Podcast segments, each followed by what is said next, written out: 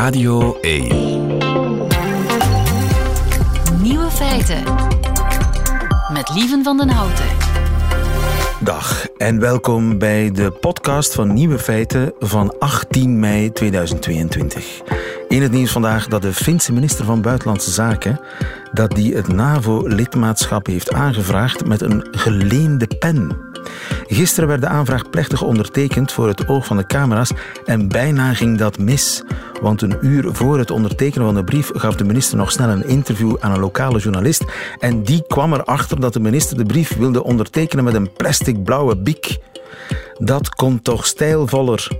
En dus wisselde hij met de minister van Pen. De journalist kreeg de pen van de minister. En de minister kreeg van de journalist een strak en stijlvol gouden exemplaar.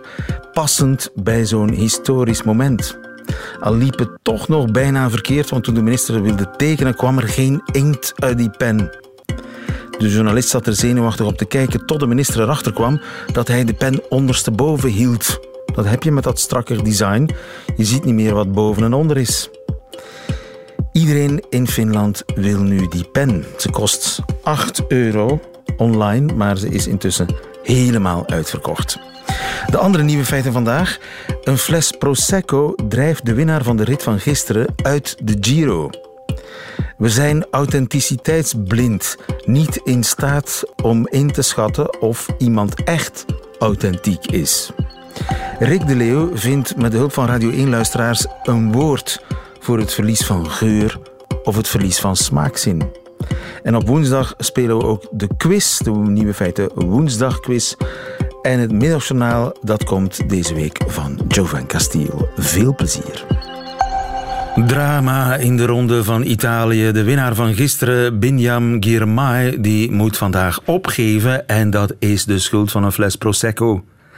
Dennis van den Buis, goedemiddag. Goedemiddag, lieve. Jammer, hè? Uh, Radio 2-collega, maar vooral op onze wijnkenner. Ik ging bijna zeggen onze wijnkelder. dat is voor later. Dat is voor later. Onze wijnkenner. Uh, Dennis, even terug naar gisteren. Binyam Girmay, die schrijft geschiedenis. Hij is de eerste zwarte Afrikaan die een rit in de Giro wint. Maar de vreugde is van korte duur, want tijdens de podiumceremonie loopt er iets mis. Is the one-eyed Benjamin Gramai. That's a shit. That must have hurt. Oh. Oeh, als je de beelden ziet. Oh, ja, als je de beelden ziet is het verschrikkelijk. Die kurk van die magnumfles Prosecco, die op de grond staat, knalt in zijn oog. Hij wordt afgevoerd naar het ziekenhuis en ja, fietst vandaag niet meer mee. Today, luckily I didn't start the race because still my eyes is, I need some rest to give more power Ja, er was een bloeding in het oog en die bloeding moet goed worden opgevolgd.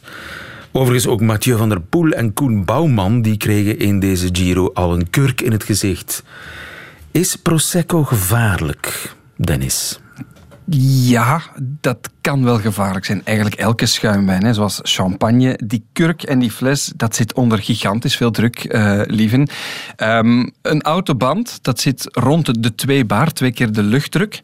En dan moet je weten dat Prosecco, dat zit al aan 3,5 bar. Op papier, theoretisch. Champagne kan nog eens naar 6 bar gaan. Dus, ja, zes bar? Zes bar, drie keer zoveel als op je autoband. Jeetje. Ja. Dus champagne is gevaarlijker dan Prosecco? Champagne is, is zeker nog gevaarlijker. En als je dan nog weet dat zo'n Prosecco-fles waarschijnlijk ook nog eens, ja, dat daar goed mee gemanipuleerd en geschud is, dat dat in de zon heeft zitten staan wachten, dat zijn allemaal factoren die die theoretische druk van 3,5 bar nog omhoog zullen hebben doen knallen, letterlijk en figuurlijk. Dus je hebt daar echt een, raket in handen. Hè? Maar inderdaad, al een geluk was het Prosecco geen champagne, of misschien was Giermay zijn oog wel kwijt geweest. We moeten dat Italiaanse chauvinisme voor hun eigen schuimwijnen toch een beetje dankbaar zijn. Ja, gelukkig zijn de Italianen zo chauvinisten is dat ze Prosecco uh, willen op het podium en geen champagne. Zijn dat overigens andere bubbels? Ja, ja, ja. Prosecco en champagne worden op heel andere uh, manieren gemaakt. Om het uh, eenvoudig voor te stellen. De bubbels die geraken in de Prosecco in een hele grote roestvrije stalen tank waar die bubbels ingepompt worden en dan wordt die wijn met bubbels al in onder druk in een fles gebotteld. Bij champagne ontstaan die bubbels in de fles.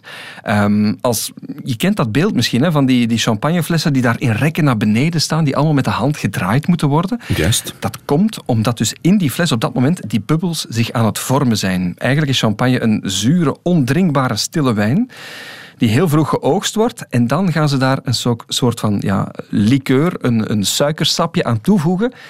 En gist en suiker. De gisten eten de suikers op, maar die laten ook een soort van windjes. En dat is eigenlijk zoals in een kaas ook gebeurt, de gaten in de kaas. En die opgebouwde druk in die fles, dat zijn de bubbels. En dat is ook de druk die die kurk moet uh, tegenhouden. Dus dat is eigenlijk het grote verschil. En ze zeggen dan ook dat ja, champagne is ook een complexere schuimwijn. Dat heeft veel meer dimensies, is gastronomischer. Terwijl Prosecco, dat is ideaal als aperitief. En misschien ook wel om op een podium te spuiten. Al is dat dus levensgevaarlijk. Hè. Ook, ik weet niet of jij houdt van een een knallende kurk bij de feestdagen bijvoorbeeld, lieve? Nee, ik hou niet van knallen, sowieso ah, niet. Nee, ja. vuurwerk, nee. Nee, nee, nee maar Het, is tegen, het is eigenlijk een beetje zoals vuurwerk. Hè. Als je zag hoe Van der Poel en die Girmay naar die flessen toe gingen, van dat lukt hier niet, ik zal er maar eens naar gaan kijken. Als je, als je dan weet hoeveel druk er op zo'n kurk zit, ja, dat is als naar niet afgaand vuurwerk gaan kijken. Hè. Je moet dat altijd heel omzichtig, voorzichtig doen. De, de, de vriend van mijn schoonmoeder houdt ook nogal van een ploppende kurk. Ik zeg mijn kinderen dan altijd bij de feestdagen dat ze moeten bukken, want dat is echt levensgevaarlijk. Uh, er zitten soms wel gaten in valse plafonds. Gyprok gaat eraan. Ja. Ogen, dat maken de spoeddiensten ook wel mee. Of andere dingen. Dat, ja, dat is levensgevaarlijk. Dat is een luchtdrukpistool eigenlijk. Hè. Ja, ja, dus interne keukens, Sven en Koen, eigenlijk niet goed bezig. Ik weet niet hoe groot natuurlijk de studio is waar ze dat dan in opnemen. Maar dit is feestelijk. Hè. Van mij mag het knallen. Maar alsjeblieft, richt het heel ver weg van, van lijf en leden en ogen en mensen. Um, het is ook niet echt helemaal volgens de regels van de kunst. Want je moet dat met een soort zuchtje ja, buiten laten komen. Ik kan dat. Ik, er zijn weinig dingen waar ik trots op ben, maar dat kan ik. En hoe pak je dat aan? Wel, ik pak de, de fles bij de kurk. Mm Inmiddels heb ik dat natuurlijk losgemaakt eerst. Die, die, die, die draadjes en dat papiertje rond heb ik losgemaakt. Het kurk zit nog op de fles. Ik pak de fles bij de kurk en ik draai de fles langzaam naar beneden. Mhm. Tot er inderdaad zo'n soort ja. te horen is. En als je dan nog met die hand aan de kurk een beetje tegenwringt, dan kan je dat helemaal in de hand houden. Juist, controle. Dat is de grote truc. Je moet aan de fles draaien en niet aan de kurk. En voilà. als ik nog een echte tip mag geven, er zit ook zo'n metalen stalen draadje aan. In vakjargon heet dat de muselet. Als je die dan open draait, open vijst eigenlijk. Veel mensen doen hem, gooi je dat dan weg. Maar dat is het moment dat het ook fout kan gaan. Want is daar geschud met die fles of heeft hij een transport van alles meegemaakt? Je, voelt, je moet die, fles inschatten. Hè. Je, je voelt dat ook. je voelt hoe die kurk zit, klaar is. Het is, het is als een soort van vroedvrouw ben je daar eigenlijk het, dan mee bezig. Het, is een geboorte, inderdaad. En, maar eh, laat alsjeblieft dat stalen draadje er ook op. Hou je duim erop. Want als je denkt, ik, ik gooi dat stalen draadje weg... Niet weggooien. Nee, nee. Dat moet er eigenlijk op blijven losgemaakt, als het ware. Ja, want het is voor de het is voor de veiligheid. Dat je toch niet die hand er even kan afhalen. Want ja, je, je kan het je voorstellen. Hè. Het, is een, het is, wat is het, een camionband die ontploft in je gezicht. Doe dat niet. Hè. Doe dat niet. En zeker niet die magnumfles op de grond zetten, je er voorover buigen en dan de kurk eraf blazen. Nee. Dat is een slecht idee. Mensen, ja. Heel veel sterkte. Heel veel sterkte. Jammer, volgend seizoen beter. En laat het een uh, les zijn voor iedereen die met flessen schuimwijn, prosecco, Franciacorta, uh, wat het ook mogen wezen, champagne. Iedereen die met zo'n fles omgaat, daar zit drie keer zoveel druk op als op een autoband. En eigenlijk is dat evenveel als op een fietsband. De wielrenners zitten vaak ook op zes bar, heb ik me laten vertellen. Dus misschien kunnen we het ze op die manier diets Dan begrijpen ze het. Ja. Dan begrijpen ze het. Dennis van den Buis, dankjewel. Goedemiddag.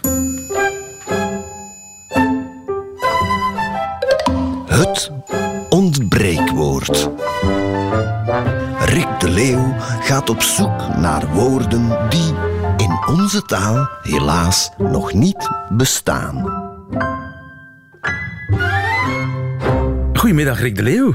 Goedemiddag. Je hebt woordentekort, bleek vorige week, woensdag. En de luisteraar van Radio 1 die schiet te hulp.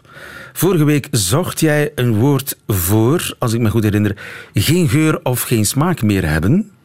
Juist. Het equivalent van doof of blind, maar dan voor, uh, voor mensen die niet kunnen ruiken of niet kunnen uh, proeven. Blind zijn kun je Doof kan ook, maar wat als je niks meer ruikt of proeft? Geert de Slange, goedemiddag. Dag lieven. Je Dag bent Rick. de taaladviseur van de VRT.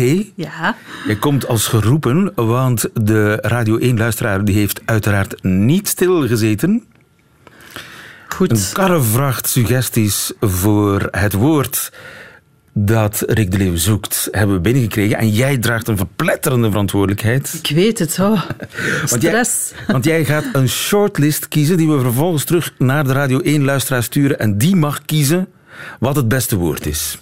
Oh, ik, vond het echt, ik vond het echt heel moeilijk. Er zaten hele mooie woorden tussen. Maar ik heb toch een persoonlijke top drie. Aha. Ehm, ik hoop dat het een beetje overeenkomt met, eh, met wat dat jij voelt. Laten we eerst even kijken naar de longlist, wat er allemaal is binnengekomen. Apapil. Ja, Apapiel. ik ben een beetje apapiel. Ik ben apapiel, want ik heb corona. eh, Klinkt niet, niet echt ik, enthousiast. Ik, ik heb vooral eh, nagedacht over van, kan ik dat onthouden?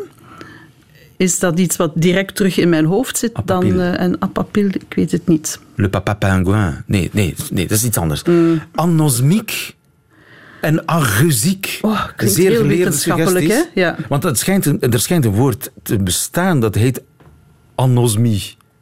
Dus het bestaat eigenlijk. Ja, er, er, is, er is een wetenschappelijke term voor dus anosmie. het is niet, niet echt een ontbreekwoord dan. Wat Ja, trouwens maar- ook een heel mooi woord is.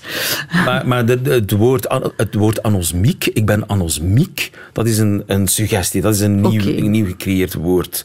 Voor iemand die anosmie heeft. Of ageuziek, voor iemand die ageuzie. Maar dat zijn hele wetenschappelijke woorden. Ja. Dat zal niet werken, hè? Nee, ik moet altijd denken aan beurtbalkje. Dat is een woord dat ik altijd heb onthouden. Dat is ook iets wat we ooit hebben... Beurtbalkje. Ken je het beurtbalkje? Het beurtbalkje?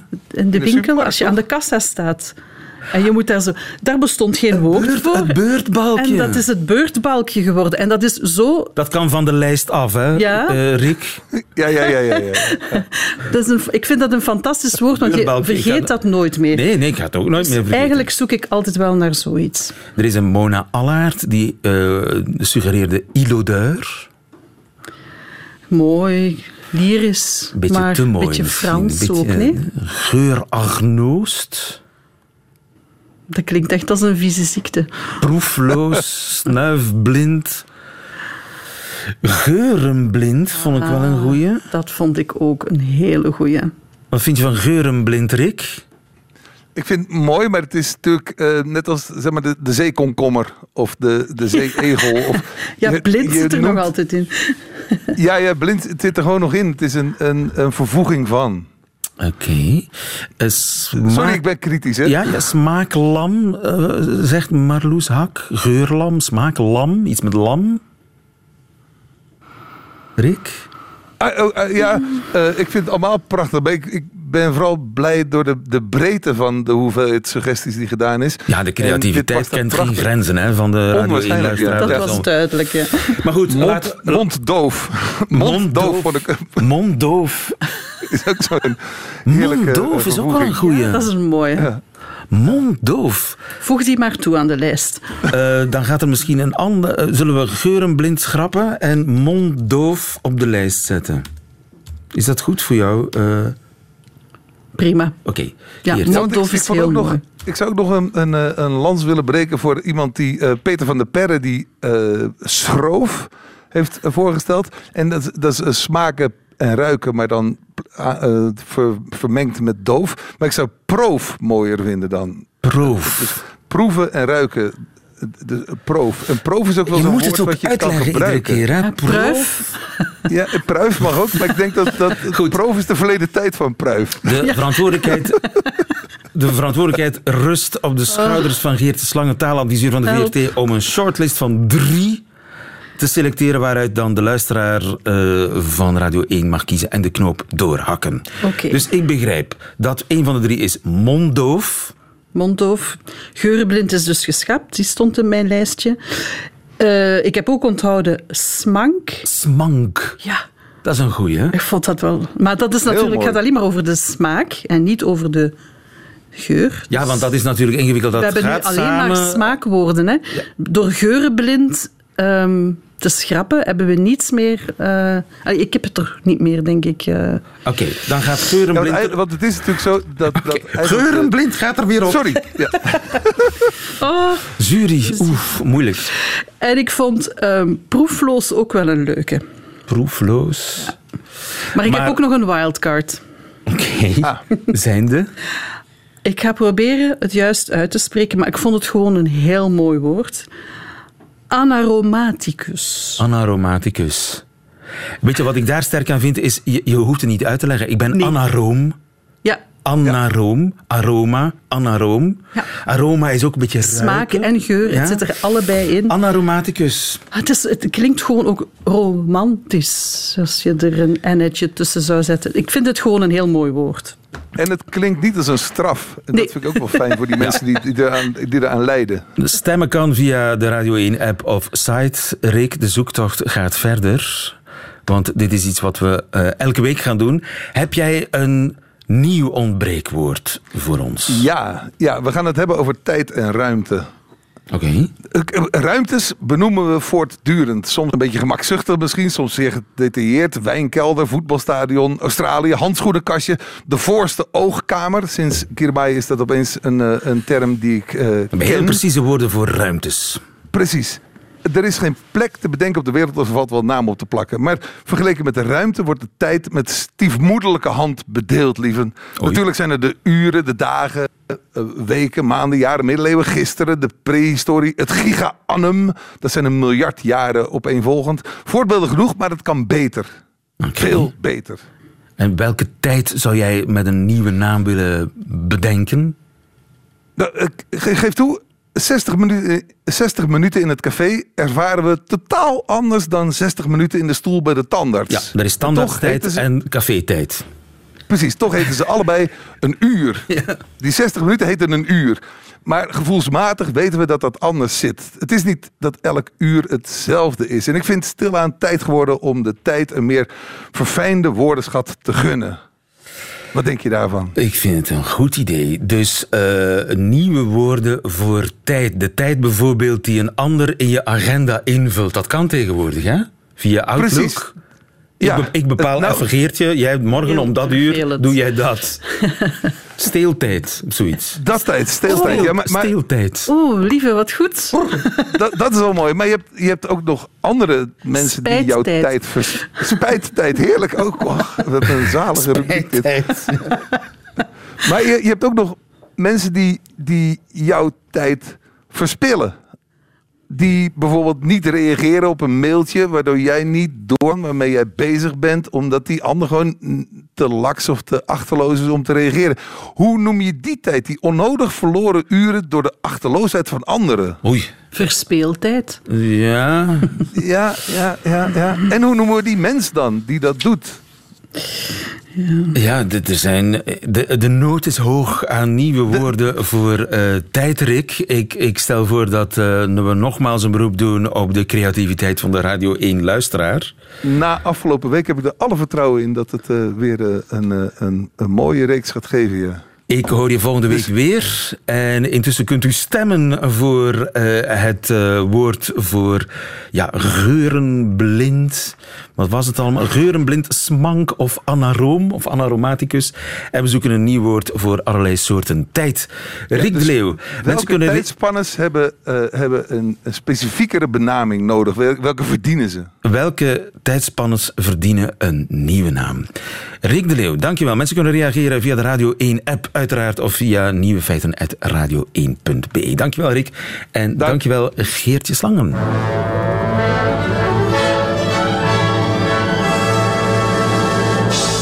Nieuwe feiten. Ik heb goed nieuws voor u. De mensen vinden u authentiek, althans authentieker dan u denkt, blijkt uit onderzoek in Amerika. Tom Bekkers, goedemiddag.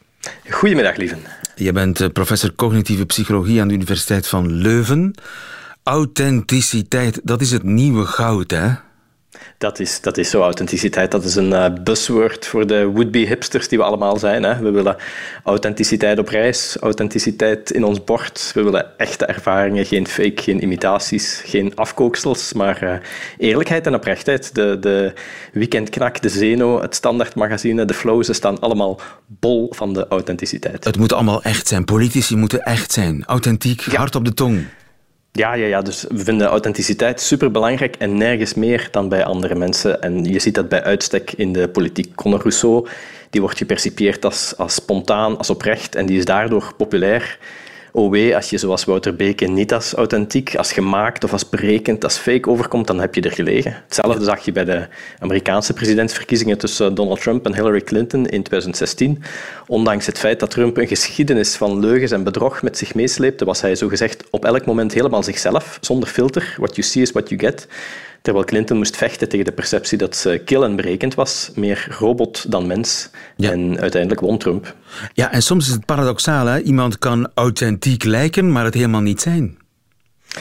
Ja, dat is zo. Uh, natuurlijk, authenticiteit is sowieso een beetje een problematisch concept. Hè. Wanneer ben je authentiek?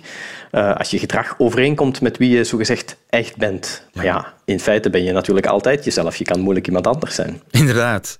En jezelf zijn, alsof er zoiets is als een vaststaand jezelf. Dat hangt toch ook af Met, met wie je te maken hebt. Ik bedoel, ik ben tegenover jou anders dan tegenover mijn moeder zou zijn. Ja, dus, dus het, het, is een moeilijk concept. Het is een, een, beetje een problematisch concept, maar je kan wel gaan zoeken naar een bruikbare definitie van authenticiteit. Bijvoorbeeld de mate waarin je consequent bent in je handelen over de tijd, hè, consistentie van gedrag.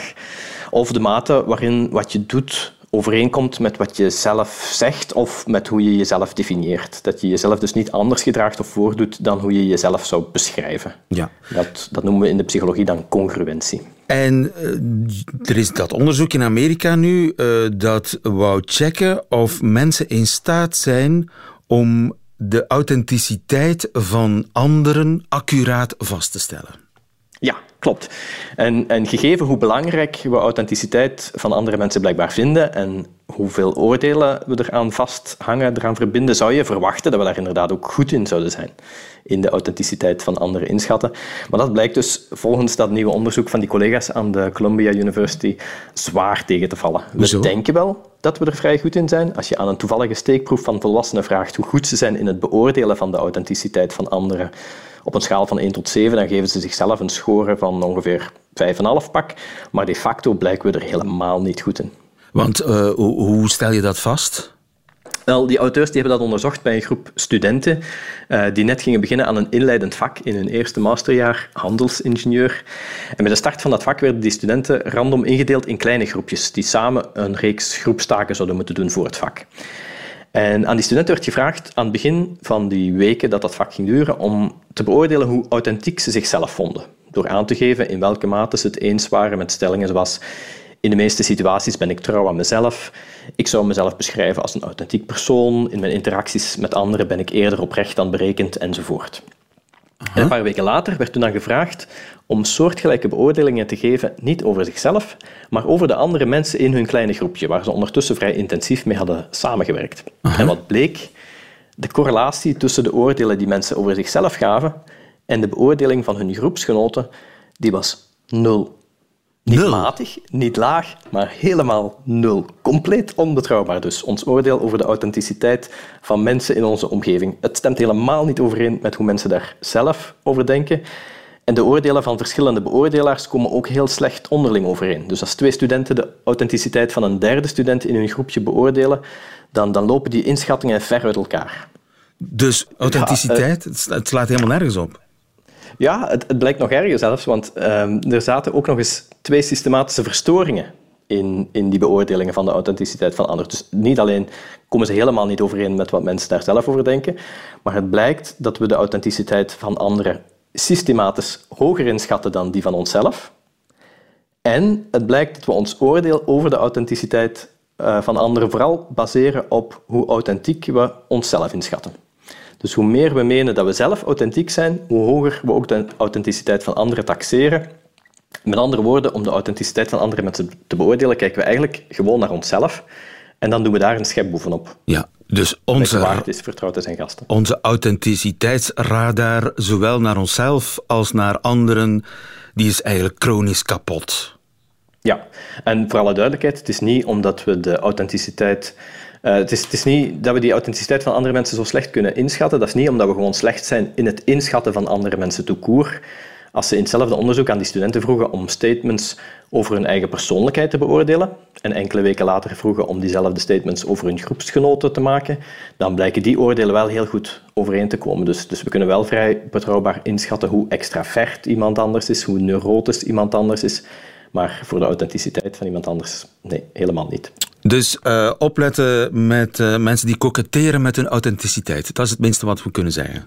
Dat is het minste wat je daarvan kan zeggen, inderdaad. Tom Bekkers, dankjewel. Goedemiddag. Graag gedaan. Nieuwe feiten. Woensdag quiz.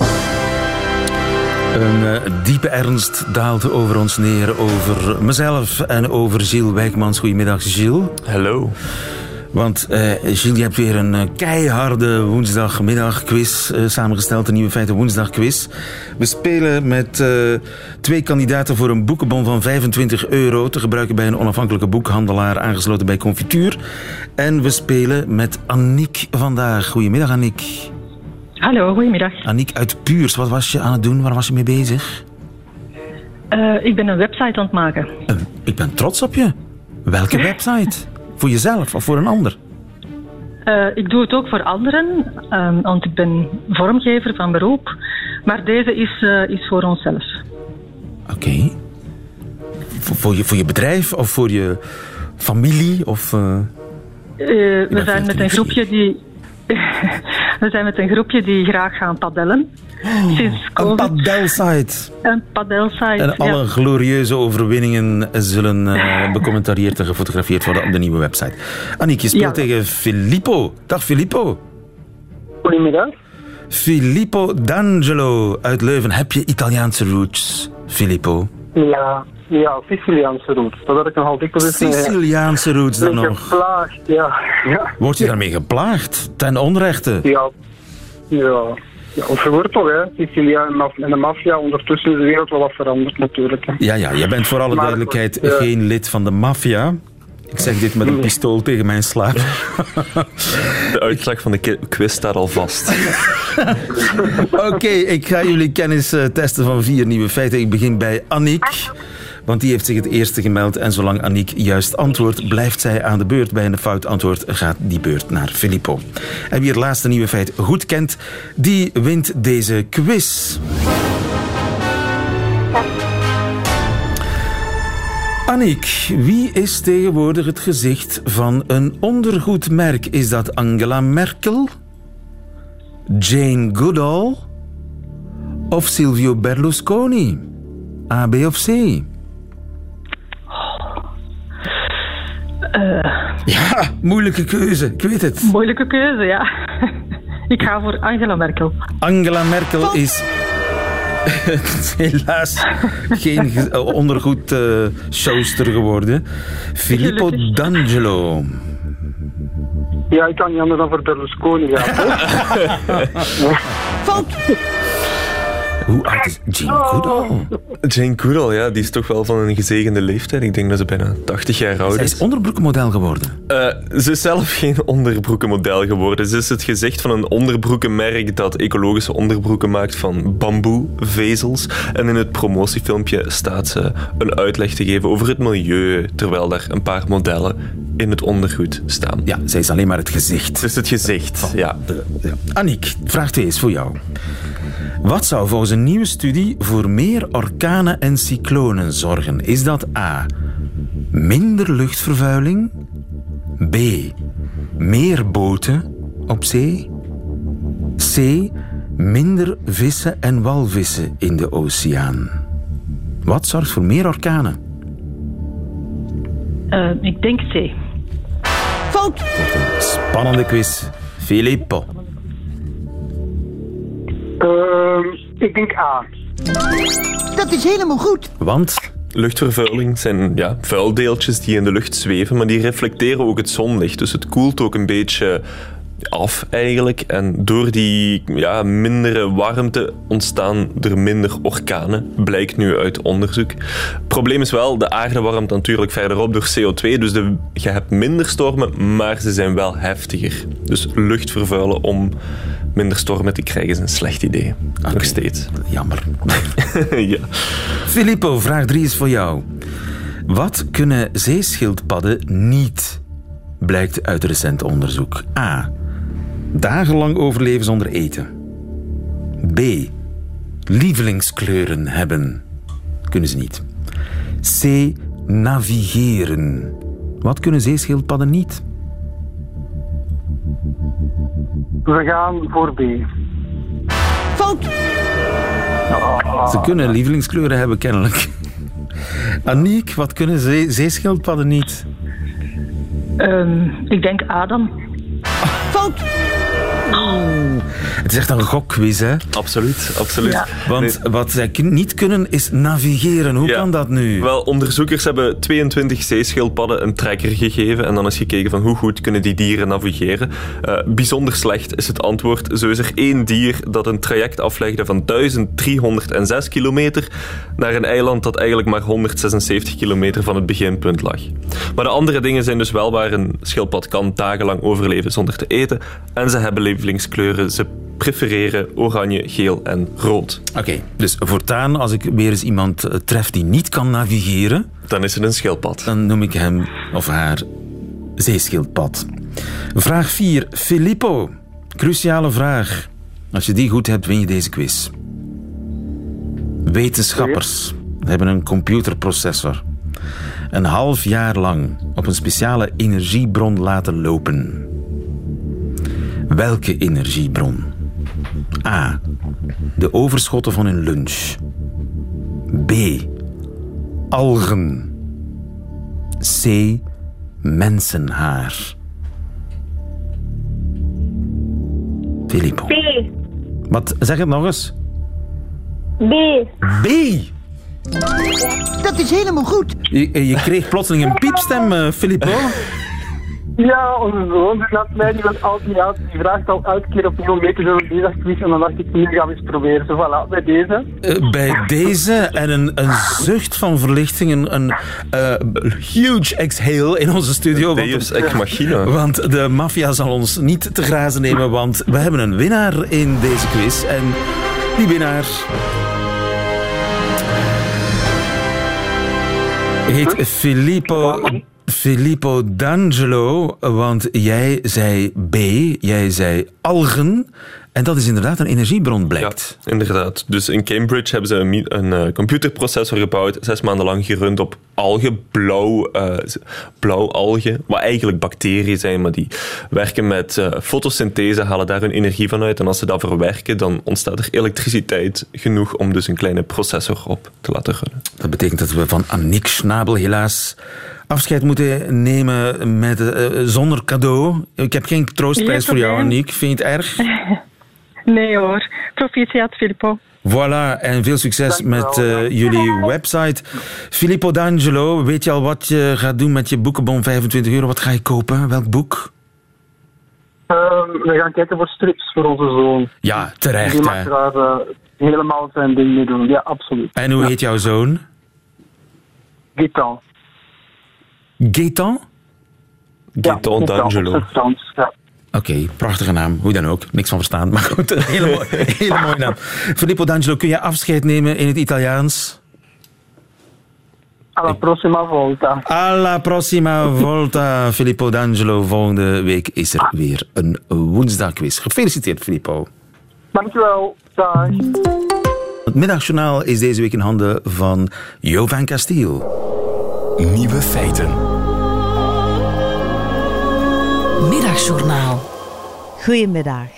Ik hoorde onlangs op Radio 1 dat Turkse kevers, poppenrovers genaamd, naar Vlaanderen worden gehaald om hier eikenprocessierupsen op te eten. En ik dacht, dit is goed nieuws voor bijna iedereen. Want het is natuurlijk geen goed nieuws als je een eikenprocessierups bent. Alsof het niet al erg genoeg was dat ze hun hele leven zo'n onnozele naam als eikenprocessierups moeten dragen, hoor je nu dat Vlaamse wetenschappers honderden Turkse poppenroverkevers aan het trainen zijn om de rupsen op te eten terwijl ze slapen. De eikenprocessierupsen die naar Radio 1 luisteren, zullen de enige zijn die weten wat er gebeurt en ze zullen de andere rupsen proberen te waarschuwen. Wakker worden allemaal. Vlaamse wetenschappers hebben soldaten uit Turkije gehaald om ons dood te maken. En ze weten waar we wonen.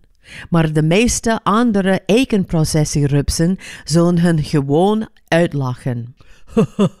gekke, gekke Jan en zijn complottheorieën van Radio 1. Kom, laat ons terug gaan slapen. Het trainingskamp voor de Turkse poppenrovers klinkt heel zwaar en macho. Ik zie beelden in mijn hoofd van kevers die in grijze trainingsbroeken marcheren, terwijl een kwade sergeant staat te roepen. Kom aan, zijn jullie misschien lieve heerspeesjes? Opstaan, hop, hop, hop, hop. De eikenprocessierupsen die naar nieuwe feiten luisteren, zullen dit graag horen, maar het is blijkbaar kei moeilijk voor de Turkse kevers om zich aan te passen aan het Vlaamse weer. De wetenschappers proberen de kevers de hele tijd wakker te maken.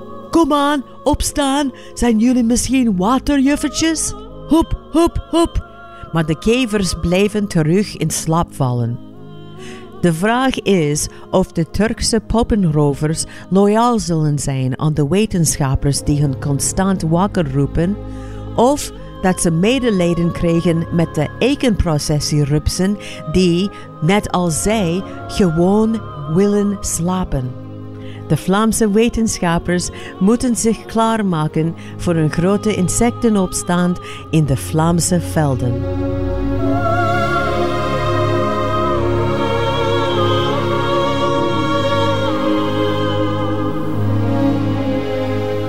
En dat waren ze, de nieuwe feiten van vandaag, 18 mei 2022. Hoort u liever de volledige nieuwe feiten met de muziek erbij?